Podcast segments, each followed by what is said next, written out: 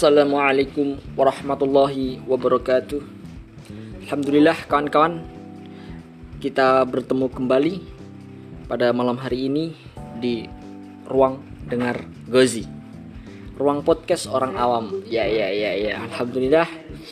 Nah izinkan Gozi untuk berbicara sedikit Berkisah sedikit lah uh, mengukur seberapa fakirnya yang ada dalam diri ini. Bismillah. Persekutuan penentu nasib. Pertengkaran terjadi antara kuda dan rusa. Jadi kuda mendatangi pemburu untuk meminta bantuan membalas dendam kepada rusa. Pemburu setuju tapi berkata, "Kalau kamu mau mengalahkan rusa, kamu harus memperbolehkanku menempatkan sepotong besi ini di mulutmu." Supaya aku bisa membimbingmu dengan kekang. Kamu juga harus memperbolehkan aku menaruh pelana di punggungmu supaya aku bisa duduk di sana selagi kita mengejar musuh. Kuda setuju dengan permintaan itu. Dan pemburu kemudian memasang kekang serta pelana. Lalu, dengan bantuan pemburu, kuda mengalahkan rusa dan berkata kepada pemburu, "Sekarang turunlah, dan lepaskan benda-benda ini dari mulut dan punggungku. Jangan buru-buru kawan, kata pemburu. Aku sekarang sudah mengendalikanmu dan lebih suka mempertahankanmu seperti sekarang. Kuda, rusa, dan pemburu. Dongeng Aesop. Pada 30 Oktober 1922, Benito Mussolini tiba di Roma pada pukul 10.55 pagi dalam kereta malam dari Milano. Dia telah diundang ke ibu kota oleh raja untuk menerima jabatan Perdana Menteri Italia dan membentuk kabinet baru. Ditemani sekelompok kecil pengawal. Mussolini pertama-tama mampir di Hotel Savoia. Lalu dengan mengenakan jas hitam, kemeja hitam, dan topi hitam dia berjalan masuk istana raja. Palazzo del Quirinali. Roma penuh desas-desus mengenai kerusuhan. Gerombolan-gerombolan fasis, banyak yang mengenakan berbagai seragam, berkeliaran di jalan-jalan kota itu. Mussolini yang sadar akan kekuatan penampilan masuk ke istana raja yang berlantai marmer dan menghadap raja. Baginda, maafkan cara berpakaian saya. Saya datang dari me medan perang. Itulah permulaan pawai ke Roma, legendaris Mussolini. Gambaran masa berkemeja hitam yang menyeberang sungai Rubicone untuk merebut kekuasaan dari negara liberal Italia menjadi ajaran fasis yang diulang-ulang dari hari besar nasional dan di buku pelajaran anak sepanjang 1920-an dan 1930-an. Mussolini ikut memperkuat mitos itu. Di perhentian kereta terakhir sebelum masuk Roma, dia sudah mempertimbangkan turun dari kereta dan masuk kota naik kuda di naik kuda dikelilingi para pengawal. Walau rencana itu akhirnya tak dilaksanakan, dia sesudahnya melakukan segala yang dia bisa untuk memperkuat legenda kenaikannya ke tampuk kekuasaan sebagai, menurut kata-katanya sendiri, revolusi dan aksi kebangkitan yang mengawali zaman baru fasis. Kenyataannya lebih bersahaja. Sebagian besar masa kemeja hitam Mussolini yang umumnya kurang makan dan tak bersenjata baru datang sesudah Mussolini diundang untuk menjadi Perdana Menteri. Gerombolan fasis di seantero Italia memang mengancam. Tapi cara Mussolini merebut kendali negara bukan revolusi. Dia menggunakan 35 kursi parlemen dari 535 partainya. Perpecahan di antara para politikus mapan rasa takut terhadap sosialisme, dan ancaman kekerasan oleh 30 ribu kemeja hitam untuk meraih perhatian Raja Vittoria Emanuele III. yang memandang Mussolini sebagai politikus yang naik daun dan tokoh yang bisa menenangkan keresahan. Keteraturan politik dipulihkan oleh penunjukan Mussolini, sementara sosialisme mundur sehingga bursa saham Italia bangkit. Para negarawan tua liberal seperti Giovanni Giolitti dan Antonio Salandra jadi memuji perubahan itu mereka menganggap Mussolini sebagai sekutu berguna. Namun seperti kuda di dongeng Aesop, Italia segera mendapati diri dipasangi kekang dan pelana. Cerita serupa telah berulang-ulang di seantero dunia sepanjang abad kemarin.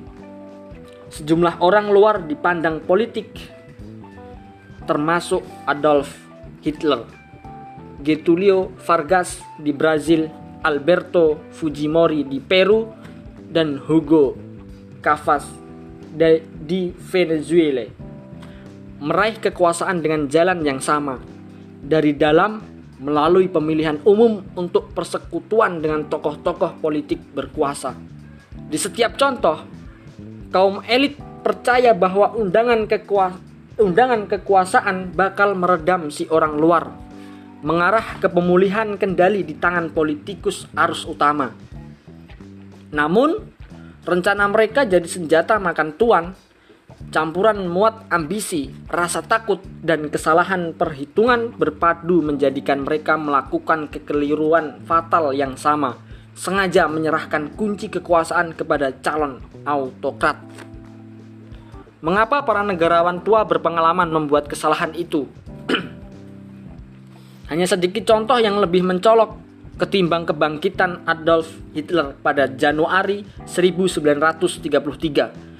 Kemampuannya melakukan tindakan kekerasan sudah tampak sejak peristiwa Putsch di München tahun 1923. Serangan kejutan malam ketika sekelompok pengikut setia Hitler yang bersenjata pistol merebut kendali atas sejumlah bangunan pemerintah dan satu ruang pertemuan di München di mana beberapa pejabat Bayern sedang berkumpul.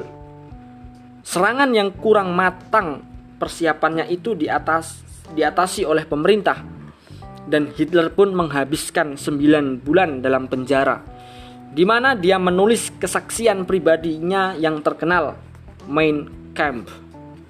Hitler sesudahnya menyatakan akan meraih kekuasaan melalui pemilihan umum Awalnya gerakan nasional sosialisnya hanya mendapat sedikit suara. Sistem politik negara Weimar dibangun pada 1919 oleh koalisi pro-demokrasi Katolik, liberal, dan sosial demokrat. Namun sejak 1930 dengan hancurnya ekonomi Jerman, kelompok kanan tengah melemah karena bertengkar sendiri, sementara komunis dan Nazi makin populer. Pemerintahan terpilih ambruk pada Maret 1930 di tengah depresi besar yang menyakitkan.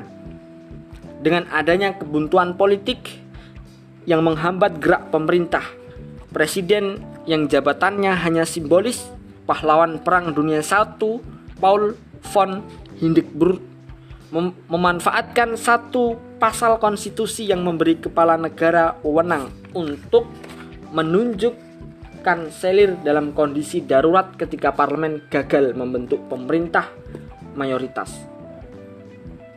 Tujuan kanselir yang bukan hasil pemilu dan presiden bukan hanya memerintah, melainkan juga mengesampingkan kaum radikal kiri dan kanan.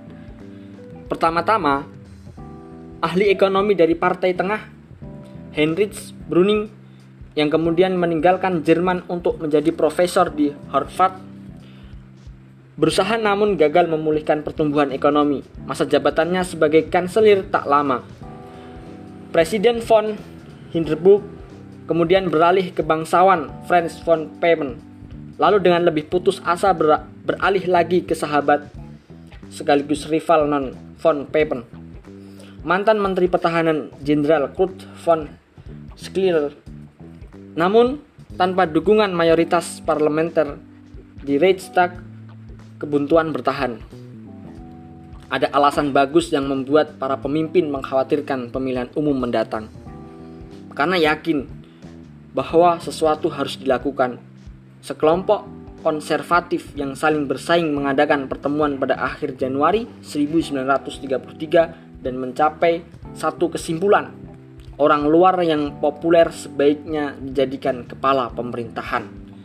Mereka membenci dia, tapi tahu bahwa setidaknya dia punya masa pengikut. Dan terutama, mereka pikir bisa mengendalikan dia.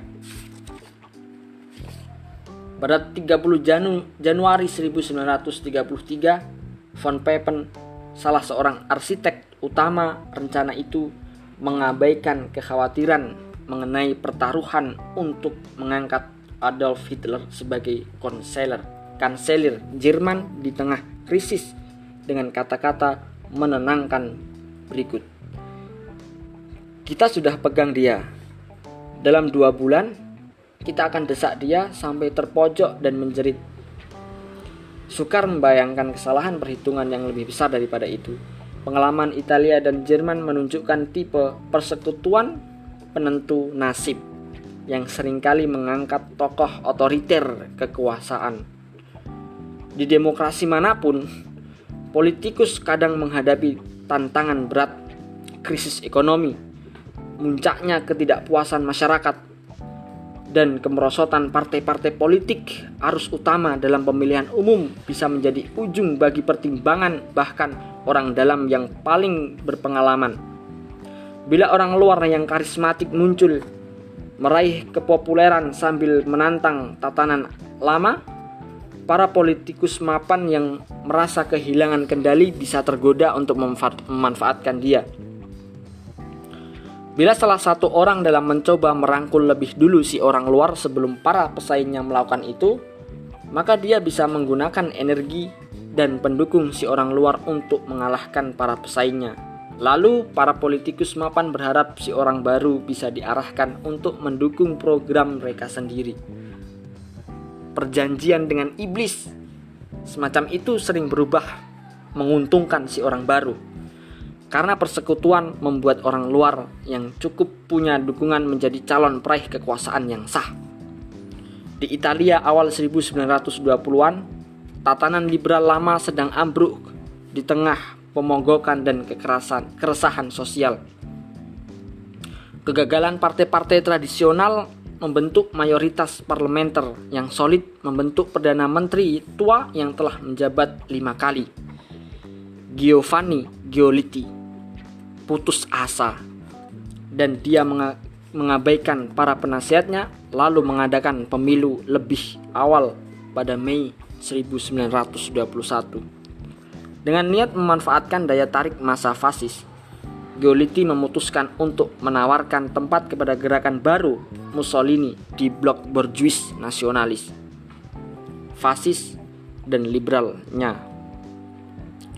Strategi itu gagal blok borjuis meraih di bawah 20% suara sehingga Giolitti mengundurkan diri.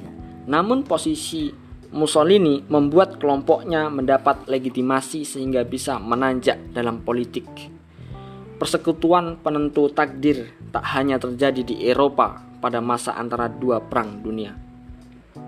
Pada masa antara dua perang dunia, persekutuan semacam itu juga membantu menjelaskan kebangkitan Hugo Chavez, Venezuela dulu membang membanggakan diri sebagai demokrasi tertua di Amerika Selatan yang sudah berjalan sejak 1958. Chavez, perwira militer junior dan pemimpin kudeta gagal yang tak pernah memegang jabatan publik, adalah orang luar dalam politik namun kebangkitannya menuju kekuasaan mendapat dorongan kritis dari orang dalam.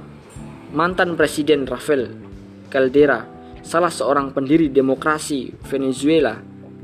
Politik Venezuela sejak lama didominasi dua partai, Aksi Demokratik yang berliaran tengah kiri dan Partai Tengah Kanan Caldera, Partai Sosial Kristen, dikenal dengan singkatannya COPEI, Keduanya bergantian berkuasa dengan damai selama 30 tahun lebih. Dan pada 1970-an Fana Venezuela dipandang sebagai teladan demokrasi di kawasan yang sering mengalami kudeta dan kediktatoran. Namun selama 1980-an ekonomi Venezuela yang amat bergantung kepada minyak merosot mengalami krisis yang bertahan sampai melebihi satu dasawarsa. Nyaris melipat gandakan angka kemiskinan. Tak heran kalau rakyat Venezuela jadi kecewa Kerusuhan besar pada Februari 1989 memberi kesan bahwa partai-partai mapan bermasalah.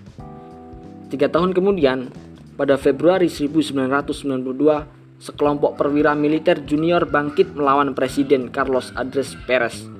Para pemberontak yang dipimpin Hugo Chavez itu menyebut diri sendiri Bolivariano, meminjam nama pahlawan kemerdekaan Simon Bolivar kudeta itu gagal.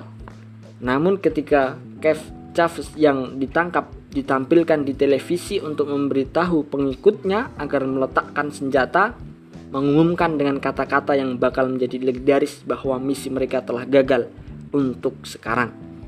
Dia menjadi pahlawan di mata banyak orang Venezuela, terutama yang miskin. Sudah kudeta gagal kedua pada November 1992 Chavez yang dipenjara berubah haluan, memilih mengejar kekuasaan melalui pemilihan umum. Dia butuh bantuan. Walau mantan Presiden Caldera merupakan negarawan tua yang dihormati, karir politiknya sudah memudar pada 1992. Empat tahun sebelumnya dia gagal menjadi calon presiden di partainya sendiri dan sudah dianggap ketinggalan zaman secara politis. Namun, senator berumur 76 tahun tersebut masih mengimpikan bisa kembali menjabat presiden. Dan kemunculan Keves memberikan jalan. Pada malam kudeta pertama, sang mantan presiden berdiri di tengah sidang darurat Kongres dan mendukung perjuangan para pemberontak. Menyatakan besok pernyataannya. Sudah 17 menit ternyata dan pita suara sudah kering. Huh, alhamdulillah. Banyak yang kurang tadi. Logat Inggrisnya minus sekali. Oke. Sekian dan terima kasih. Habis kata ini. Mau bilang apa? Akhirul kalam. Wassalamualaikum warahmatullahi wabarakatuh.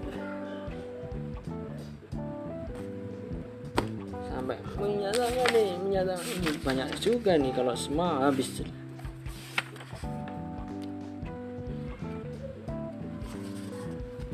hmm.